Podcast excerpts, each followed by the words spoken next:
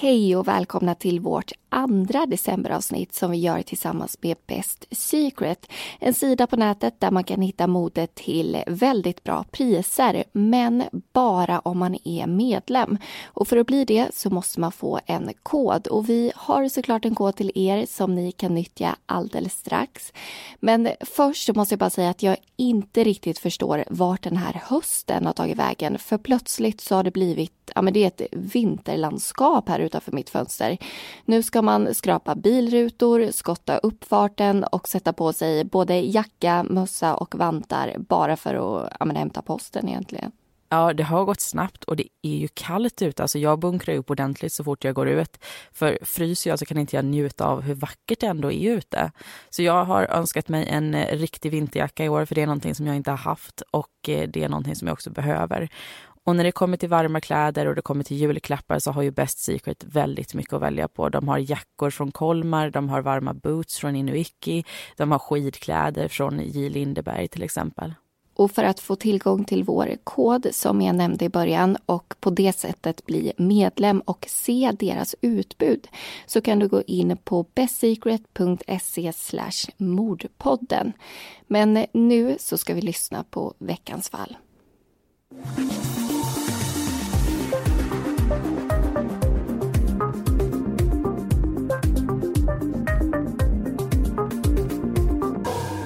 En decemberkväll 1996 hörs det oväsen inifrån en lägenhet i Göteborg. Det är skrik och högljudda smällar. Flera grannar hör det och både undersöker och ringer efter polisen. Men plötsligt blir det knäpptyst bakom lägenhetsdörren.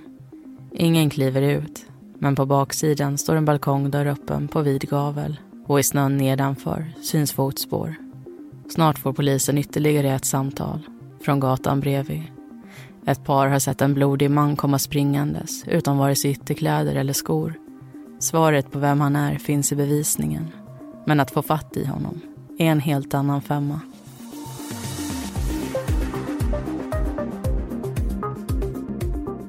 Du lyssnar på Mordpodden. En podcast om den mörka verkligheten. I veckans avsnitt ska du få höra berättelsen om lärarmordet.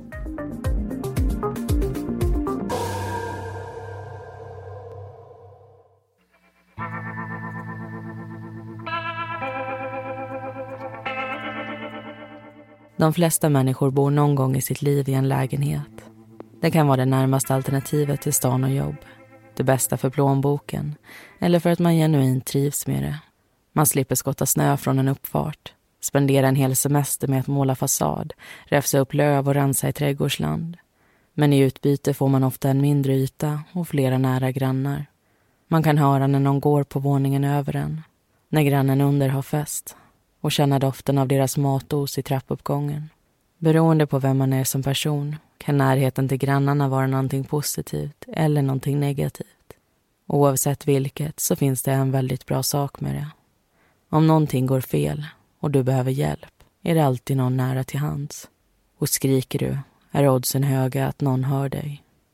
Året är 1996 och platsen Lunden i Göteborg.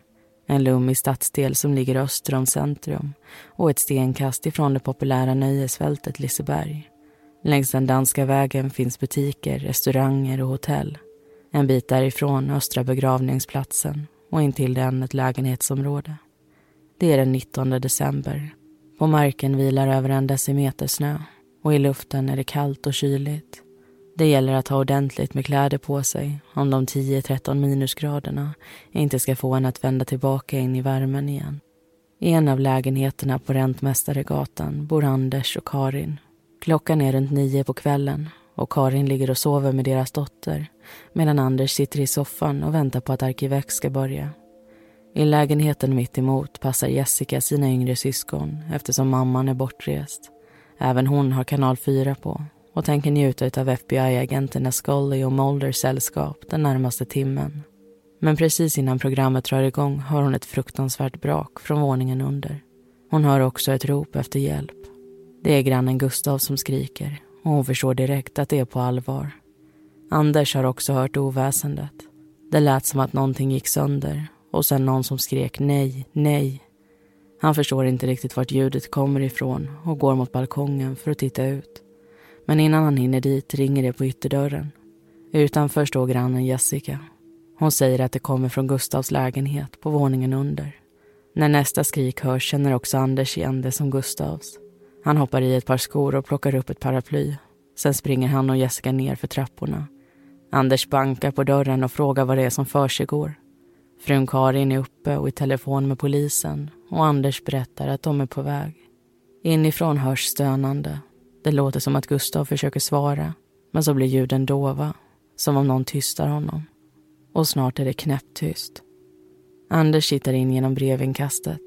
I hallen är det tänt och på golvet står flera skor. Han känner lukten av alkohol men ser varken Gustav eller någon annan.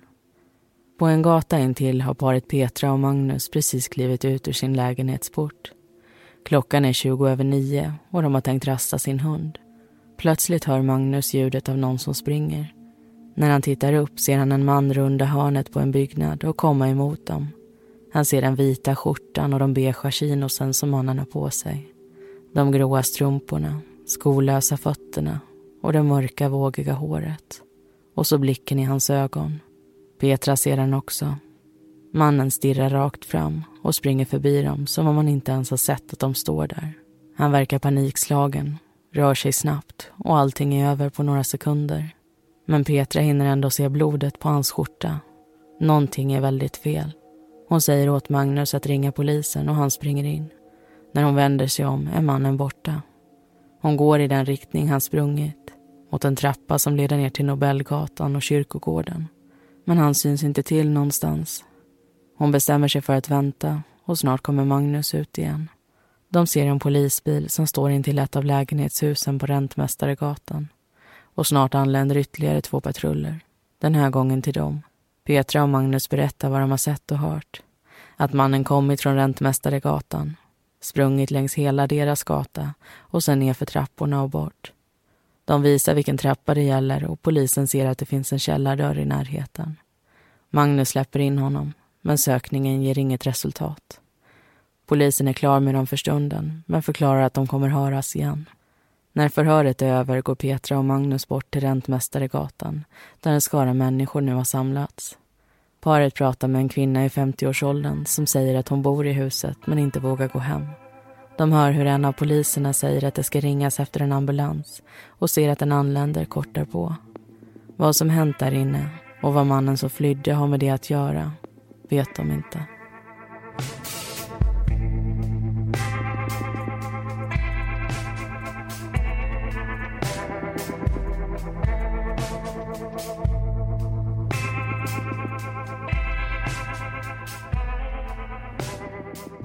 Där hörde vi alltså den första delen av berättelsen. Vi vet att någonting har hänt, men vad och varför har vi inte riktigt fått svar på än. I den första berättelsen så fick vi följa vad grannarna ser. Say hello to a new era of mental health care. Cerebral is here to help you achieve your mental wellness goals with professional therapy and medication management support. 100% online. You'll experience the all new Cerebral Way, an innovative approach to mental wellness designed around you. You'll get a personalized treatment plan from a therapist, prescriber, or both in a safe and judgment free space. Your cerebral therapist or prescriber will outline a customized plan with clear milestones along the way so you can get to feeling your best. With Cerebral, you're not alone in your mental health journey. We're here to empower you to live a fulfilling life.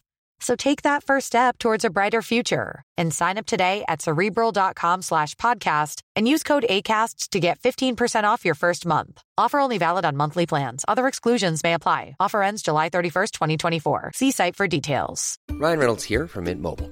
With the price of just about everything going up during inflation, we thought we'd bring our prices down. So to help us, we brought in a reverse auctioneer, which is apparently a thing. Mint Mobile unlimited premium wireless. Ready to get 30, 30, bit to get 30, bit to get 20, 20, 20, bit to get 20, 20, bit to get 15, 15, 15, 15 just 15 bucks a month. So, Give it a try at mintmobile.com/switch. slash $45 upfront for three months plus taxes and fees. Promo rate for new customers for limited time. Unlimited more than 40 gigabytes per month. Slows. Full terms at mintmobile.com. och hör. För det här det är ju ett stort lägenhetshus och det är väldigt många grannar, många personer som bor där och därmed också många ögon och öron. Vissa är inte hemma. Vissa hör oväsendet men tänker inte så mycket på det. Andra hör inte alls, men några reagerar alltså ordentligt. Anders, Karin och Jessica de bor på våningen ovanför och de undersöker var det här ljudet kommer ifrån. Och Petra och Magnus de ser en man som alltså springer därifrån. Mm. Och när poliserna dyker upp så försöker ju de förstå vad det är som har hänt. Alltså är det en fest som har spårat ur? Är det allvar? De eh, får ju lite olika uppfattningar också från grannarna. För vissa verkar helt säkra på att det är någonting hemskt som har hänt och tycker att eh, poliserna ska bryta sig in i lägenheten direkt. Och andra tycker att det kan nog vara en fest som har spårat ur. Så därför börjar de ju fråga grannarna om eh, Gustav och hans vanor. De vill ju veta vad det är som väntar på andra sidan dörren. Och Gustav är inte känd som en festprisse. Han är inte typen som går runt berusad i trapphuset eller något sånt utan det brukar vara lugnt och det brukar vara tyst inifrån hans lägenhet. Och Gustav han är 49 år. Han arbetar som lärare och håller bland annat i SFI-kurser, alltså svenska för invandrare. Och grannarna upplever honom som lugn och glad och trevlig och positiv. Ibland så har han sällskap över men det är ingenting som stör i det här lägenhetshuset utan han och hans vänner brukar äta middagar eller sitta på balkongen och bara ta det lugnt. Han är inte gift och han har inte heller någon sambo men han dejtar lite då och då och verkar nöjd med tillvaron som den är. Men när en vän till honom blir misshandlad så ändras det. Gustav och den här vännen, de är båda öppna med sin sexualitet och eh, dras till män. De bjuder hem folk ibland och för den här vännen så går det riktigt illa en dag. Han blir ju rejält misshandlad och det tar lång tid också innan någon hittar honom och kan kalla på ambulans. Så han får komma till ett sjukhus och där upptäcker de ju till slut att han har hjärnskador. Och Gustav blir väldigt rädd av den här händelsen. Han ser till att alltid ha ytterdörren låst efteråt. Han tittar i titthålet om det är någon som knackar på. Så de som släpps in, det är ju människor han känner och det är ju bra information för polisen för det begränsar ju antalet misstänkta gärningspersoner ganska mycket. Och det är viktigt att komma ihåg också att den acceptans som vi har idag, den har inte alltid funnits där. Enligt forskning.se så fanns det på 80-talet en 5% acceptans för homosexuella i hela världen. I år så landar det på 20 alltså det är ju jättelåga siffror även nu när jag tycker att man har kommit så mycket längre. Och det kan ju tyckas som en självklarhet att man ska få vara sig själv, att man ska få älska den man älskar, men passar man inte in i normen så blir man ju ofta utsatt på ett eller annat sätt. Och när man börjar prata med Gustavs vänner och bekanta så förstår man att även han har varit utsatt tidigare. Han blev hotad av en man på en krog några månader tidigare. Folk har vräkt ur sig hemska skällsord och undrat varför tjejer i hans sällskap umgåtts med någon som honom, som de då har uttryckt det. Och en tid så ska han ha varit tillsammans med en man som också slog honom. Det har Gustav dels berättat själv och hans vänner såg en dag att han hade märken på bland annat sin hals och därför misstänkt det här. Den här mannen han träffat ska ha varit ganska svartsjuk och polisen får ett namn som de kollar upp. Och de pratar med den här mannen, men han säger att de har brutit med varandra sex, sju månader tillbaka, så de är inte tillsammans längre. Och han säger också att eh, de träffades genom just SFI, där eh, den här mannen var en elev till Gustav. Och när polisen spinner vidare på det här så får man ju reda på att Gustav verkar ha träffat flera personer på just det sättet. Och även om elev och lärare kan låta som ganska otillåtna saker så vill vi förtydliga att det här handlar om vuxna människor mellan 25 och 50 år. Och där kan man ju tänka sig att gärningspersonen redan är fast, att allt är klappat och klart och utredningen över. Men riktigt så enkelt är det inte. För spåren leder inte till den här mannen utan åt ett helt annat håll. Och vi ska inte gå händelserna i förväg utan vi ska hoppa tillbaka in i berättelsen och följa poliserna. Från det första larmsamtalet och vidare in i de tekniska undersökningarna. Hos Podme kan du lyssna på några av våra mest önskade fall. Varje månad så kommer vi ut med ett nytt premiumavsnitt och första månaden så lyssnar du gratis.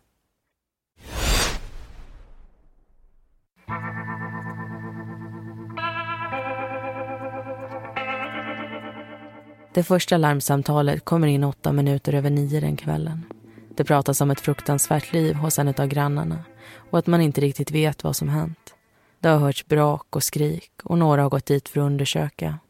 Elva minuter senare larmas poliserna Eva och Therese. När klockan är halv tio möter de ett gäng oroliga grannar i trapphuset. De får veta vad grannarna vet och ställer ett par frågor. Brukade Gustav dricka? Hade det varit slagsmål därför? Svaren blir nej och nej. Poliserna knackar på men ingen öppnar. När de tittar in genom brevinkastet är det mörkt och en av grannarna berättar att det var tänt förut. Den ena polisen känner att det drar kallt, som om ett fönster står öppet. De går ut genom entrédörren och runt till baksidan. Gustavs balkong är belägen ovanför en garageport. Där står fyra plaststolar staplade på varann, ett bord och några växter. Balkongdörren står öppen på vid gavel och på marken nedanför syns fotspår. Under tiden som Eva och Therese pratar med grannarna på Räntmästaregatan kommer ett nytt larm in över radion. En blodig man har sett springa längs Bjälkegatan som ligger precis intill. Ytterligare två patruller kallas till platsen. En hundpatrull och så poliserna Janne och Mats. Larmet ligger inte i deras vanliga område och de måste slå upp adressen för att hitta dit. När de ser hur nära Räntmästaregatan ligger förstår de att det nog hör samman med det larm som gått ut bara några minuter tidigare. När Janne och Mats kommer fram med hundpatrullen där Paret som gjort observationen har redan hörts och de har ett signalement. Den misstänkta mannen är i 25 till 30-årsåldern. 175 till 180 centimeter lång. Kraftigt byggd med kortklippt svart hår och mörka ögon. Han har haft en vit skjorta på sig, beige chinos och gråa raggsockor. Men varken en jacka eller några skor. Han såg utländsk ut och enligt kvinnan tryckte han ett papper mot ena armen eller bröstet när han kom svischande förbi. Han var blodig och såg ut att ha gjort sig illa. Hundpatrullen söker igenom närområdet efter spår medan Mats och Janne blir bortkallade till Räntmästaregatan. Beslutet har tagits att gå in i lägenheten och snart knackar poliserna på hos Gustavs närmaste grannar. De öppnar och Janne och Therese ber att få komma in. De går igenom lägenheten och ut på grannarnas balkong. Därifrån klättrar först Janne och sen Therese över räcket och från Gustavs balkong tar de sig in i lägenheten. Janne ser en tv som ligger på golvet i köket i en härva av sladdar. Han tänker direkt att det kan ha varit inbrott och säger det till Therese. Han fortsätter genom köket och in i det kombinerade vardags och sovrummet. Tvärs över sängen ligger en man vars blick är orörlig och fäst i taket. Janne förstår att han är död och Therese säger åt honom att inte röra någonting. Han tar sig försiktigt till ytterdörren och låser upp den inifrån. Sen känner han efter mannens puls. Therese ringer efter en ambulans och efter en tid kan dödsfallet bekräftas. Kvällen och dagen därpå fortsätter med dörrknackning, förhör och tekniska undersökningar. Flera områden har spärrats av, bland annat delar av Bjälkegatan och området strax utanför Gustavs balkong. Man fotograferar och mäter upp flera skolösa avtryck som gjort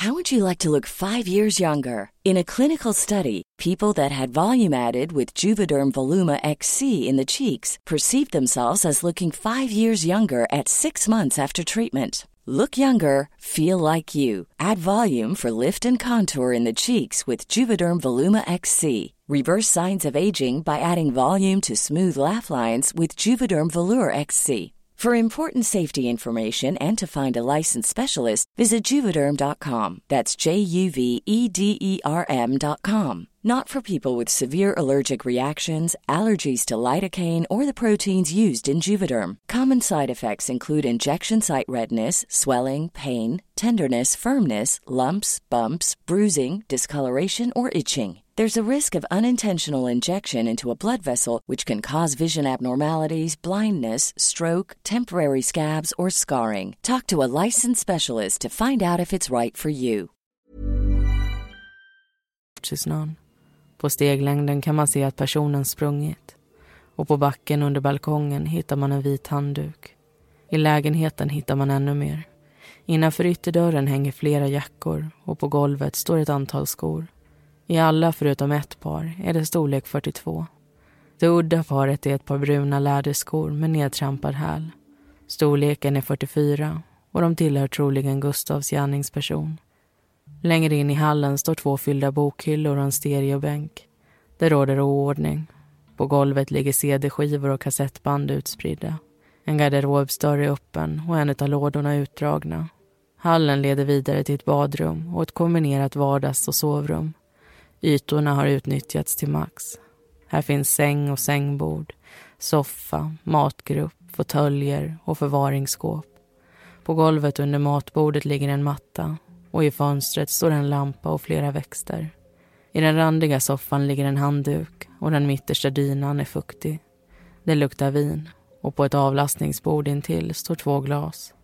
Teknikerna fortsätter in i köket där en tv ligger omkullvält på golvet och bänkytorna är fulla med ren och smutsig disk. Vid spisen står en kastrull med en vätska som visar sig vara svalnad glögg och på en bänk intill, en öppnad flaska med mousserat vin. Oordningen som råder kan vara just det, oordning. Men det kan också vara ett tecken på tumult. När man tittar närmare på soffan med det spillda vinet hittar man också två mindre blodfläckar. Likaså i sängen. I köket hittas besudlingar på en vägg och en dörr.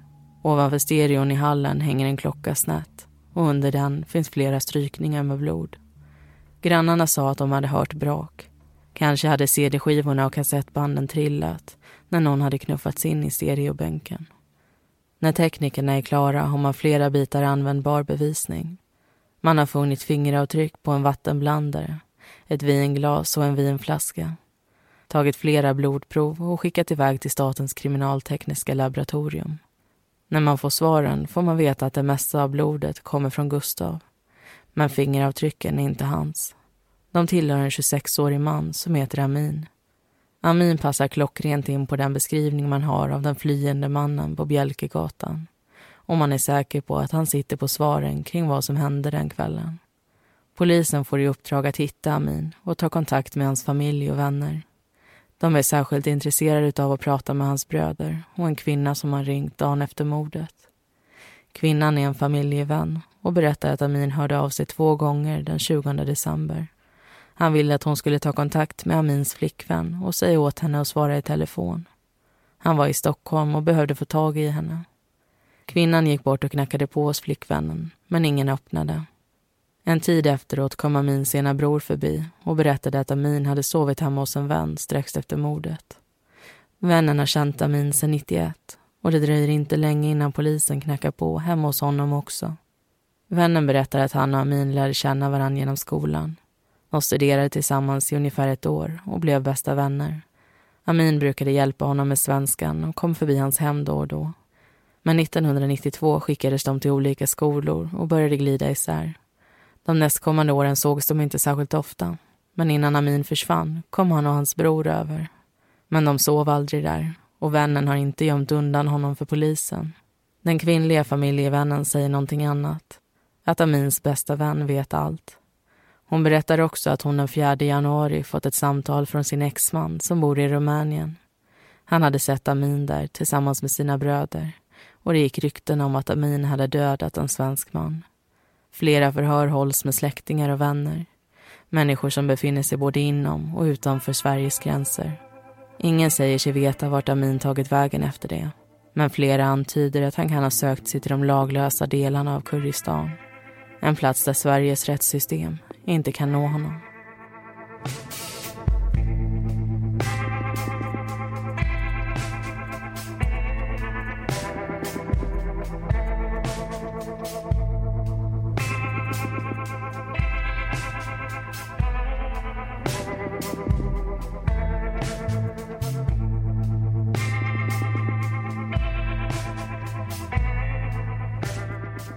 Då får vi hälsa er välkomna till den andra diskussionen. Vi vet nu att Gustav har mördats och att polisen tror sig veta vem hans gärningsperson är, nämligen Amin. Det finns flera spår som knyter honom till platsen. Dels fingeravtryck men även blod och vittnesmål. Och efter en rättsmedicinsk undersökning så vet man ju också att eh, Gustav har dött genom kvävning. Han har också flera sår i bakhuvudet som man tror har uppstått eh, när det har slagits in i sänggaven i hans lägenhet. Och redan samma kväll som det här mordet upptäcks så börjar man ju också söka efter hans gärningsperson. Dels har man ju en hundpatrull som kallas till Bjälkegatan i och med det här äh, pådraget. Men den här hunden han plockar inte upp några spår. Äh, men det finns ju flera olika sätt att söka efter någonting och ett av dem det är ju spårsök. Alltså när en person har befunnit sig på en plats och kanske sprungit därifrån och lämnat vissa spår som finns kvar i luft och mark och så vidare. Men där är ju tiden väldigt viktig. Alltså ju fler sekunder och minuter som passerar desto mindre chans är det ju att hunden plockar upp de här spåren och kan följa det vidare också. Men i just det här fallet så har man en chans till. Man vet genom vittnesmål att den misstänkta blöder så man plockar in en blodhund. Hunden får gå in i lägenheten och lukta på de här skorna i storlek 44 som man tror tillhör gärningspersonen. Och sen så drar det igång. Den här hunden går ut på balkongen och man får gå runt byggnaden för att spåret ska kunna följas. Och sen så springer hunden längs Räntmästaregatan och Bjälkegatan och korsar sedan Danska vägen. Spåret går till ett daghem och uppför en trappa och tempot är väldigt högt så poliserna får springa för att hänga med den här hunden. Och sen kommer man ju till Europaväg 20 där den här hunden markerar in till en skylt som om gärningspersonen har gömt sig bakom den.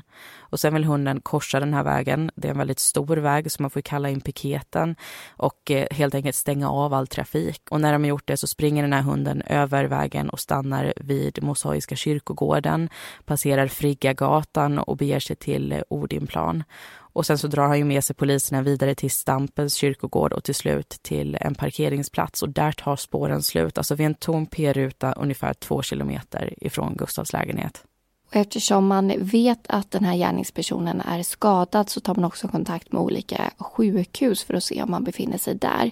Men vittnen har ju gett ett signalement på hur den här personen ser ut och ingen med den beskrivningen har kommit in.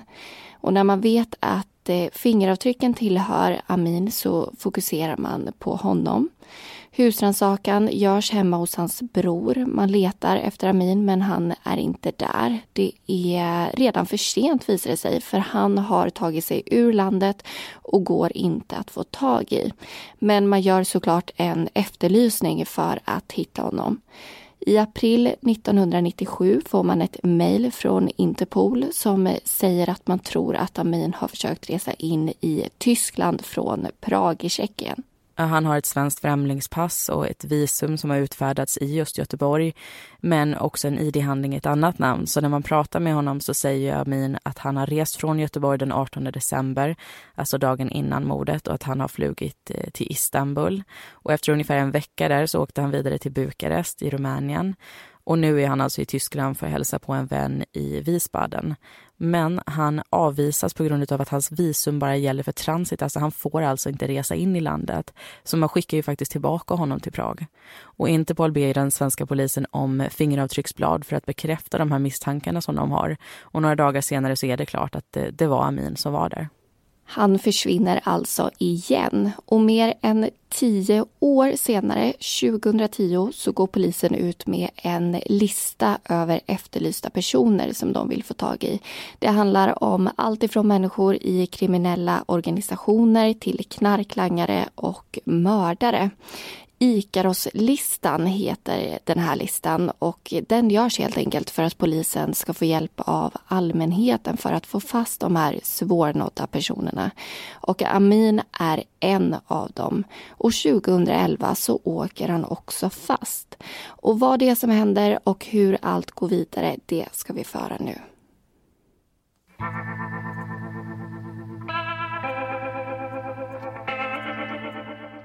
14 år efter mordet på Gustav befinner sig Amin i Irak. Han är dock redo att lämna landet och en besvärlig situation bakom sig och gå vidare. Han tar sig till Kanada för att söka asyl. Men hans nya liv hinner inte börja förrän det gamla kommit ikapp honom. Amin informeras om att han är efterlyst för ett mord i Sverige och gripen. Det blir en smärre chock när han får veta omständigheterna, när och hur det ska ha skett får han upp ett minne han sedan länge glömt bort. Han får veta att han antingen kan vara kvar i Kanada och sköta processen därifrån eller åka till Sverige och tackla allt på hemmaplan. Han väljer det sistnämnda. När informationen om gripandet når den svenska polisen är det dags att lägga fram en handlingsplan. De har fått tag i en misstänkt och tanken är att ställa honom inför rätta. Men först måste nya förhör hållas med grannar, vänner och så den misstänkta själv. Först när det är gjort kan åklagaren ta vidare det numera 15 år gamla fallet. I slutet av juli levereras Amin till Sverige. Han är trött efter den långa flygresan men sätts ändå in i ett förhörsrum. Han delges misstanke om mord och får ange sin inställning. De första orden som ljudspelaren plockar upp är hans nekande. Flera frågor ställs, men Amin vill inget säga utan sin ordinarie advokat och förhöret avbryts.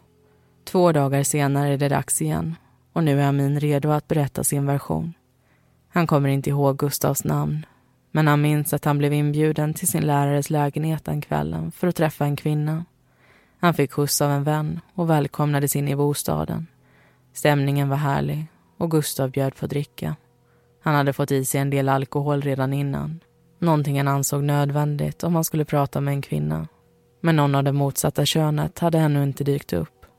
Enligt Gustav skulle hon komma sen. Amin kommer ihåg hur de satt ner och tittade på tv. Det fanns tända ljus omkring och snart började de där ljusprickarna gunga. Minnena därifrån är luddiga. Han kommer inte ihåg att någon kom dit, att ett bråk brutit ut eller att han själv lämnat lägenheten. Men det måste han ha gjort, för nästa ställe han befann sig på var utanför sin brors lägenhet. Han såg träd omkring sig och minns att han var kall och hade ont i huvudet. På fötterna fanns inga skor och eftersom han hade broderns lägenhetsnyckel på sig bestämde han sig för att sova där. Brodern var utomlands och ingen förutom han själv visste om att han hade varit där. Någon dag senare gick han hem till Gustav för att hämta sina kläder och skor. Men lägenheten var låst och en kvinna förklarade att någonting hade hänt där. Vad fick han läsa i en tidning. Artiklarna som hade skrivits var ganska tomma på information. Gustavs namn nämndes inte och polisen hade ännu inte mycket att gå på. Men Amin förstod ändå att det var hans lärare som hade hittat stöd och att han hade varit den sista som hade sett honom i livet. På grund av rädsla och chock trädde han inte fram. Istället valde han att lämna Sverige och sitt liv där bakom sig. Förhörsledaren frågar Amin om de skor han lämnat kvar. Han får titta på ett antal bilder och säga om de finns med där. Sen pratar de om jackor. Men Amin känner inte igen någonting av det. Det kan vara hans, men han tror inte det. Förhörsledaren frågar också vad det var för film som han och Gustav tittade på. En porrfilm blir svaret. Brukade de titta på såna filmer tillsammans? Nej, det var första gången, säger Amin. Han får en fråga om han kände till Gustavs sexuella läggning och Amin säger att han gjorde det. Han säger också att han gillar kvinnor, inte män. Det är inte en fråga, men polisen får ändå ett svar. De fortsätter på det spåret och frågar om Amin och Gustav haft en sexuell relation. Men enligt Amin så var de bara vänner. Förhörsledaren kontrar med att Gustav var lättklädd när han hittades död. Men Amin säger att han inte vet varför det var så. I de första förhören pratar han mycket om sitt minne, att det inte fungerar som det ska och att det är anledningen till att han inte kan svara på många av de frågor som ställs. Han kan inte säga vilken stadsdel han bott i, på vilken gata eller vilket telefonnummer han haft. Inte ens när de visar bilder blir det tydligt för honom. Amin ber dem skicka honom till en läkare eller ta kontakt med ett sjukhus i Göteborg där han tidigare sökt hjälp. De kontaktar flera. Alla har journalanteckningar men ingenstans står det någonting om minnesproblem eller koncentrationssvårigheter. Efter en rättsmedicinsk undersökning 2011 kan man också finna flera mindre ärr på Amins ena axel. Det går inte med säkerhet att säga att de uppstod den natten då han flydde från Gustavs lägenhet. Men det är en teori. Ju fler förhör som hålls, desto mer tycks Amin komma ihåg. Han berättar att Gustav var hans första lärare i Sverige. Att han var trevlig och rolig. Trots åldersskillnaden mellan honom och eleverna var det inte alltid någonting som han kände av. Han var lätt att prata med och hans personlighet tycktes vara på samma nivå som deras. Amin var inte den enda eleven som träffade honom utanför skolan. Gustav kunde bjuda hem dem på mat och dricka och eleverna i sig kunde komma förbi bara för att säga hej. Hur är läget? Den 12 oktober hålls det sista förhöret med den nu 41-åriga mannen. Trots hans insisterande till motsatsen så tror åklagaren att Amin är skyldig. Åtal väcks och huvudförhandlingen drar igång. Åklagaren lägger fram teori och bevisning. När allt är klart har Amin presenterats som Gustavs gärningsperson. Men försvaret lyfter andra punkter. Menar att det finns utrymme för att en tredje person var där den kvällen. Även om många frågor efter 15 år fortfarande saknar svar så har man tillräckligt för att fatta ett beslut. Både tingsrätten och senare hovrätten är överens om Amins skuld. Han döms till tio års fängelse och utvisning för mordet på en man som han kallat både lärare och vän.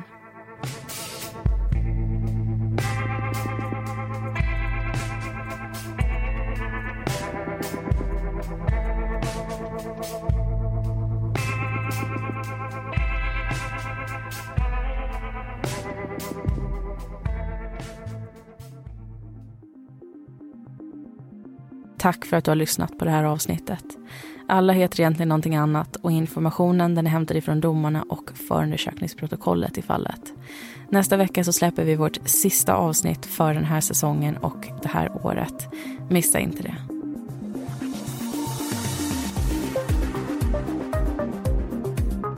Vi som gör Mordpodden heter Linnea Bolin och Amanda Karlsson.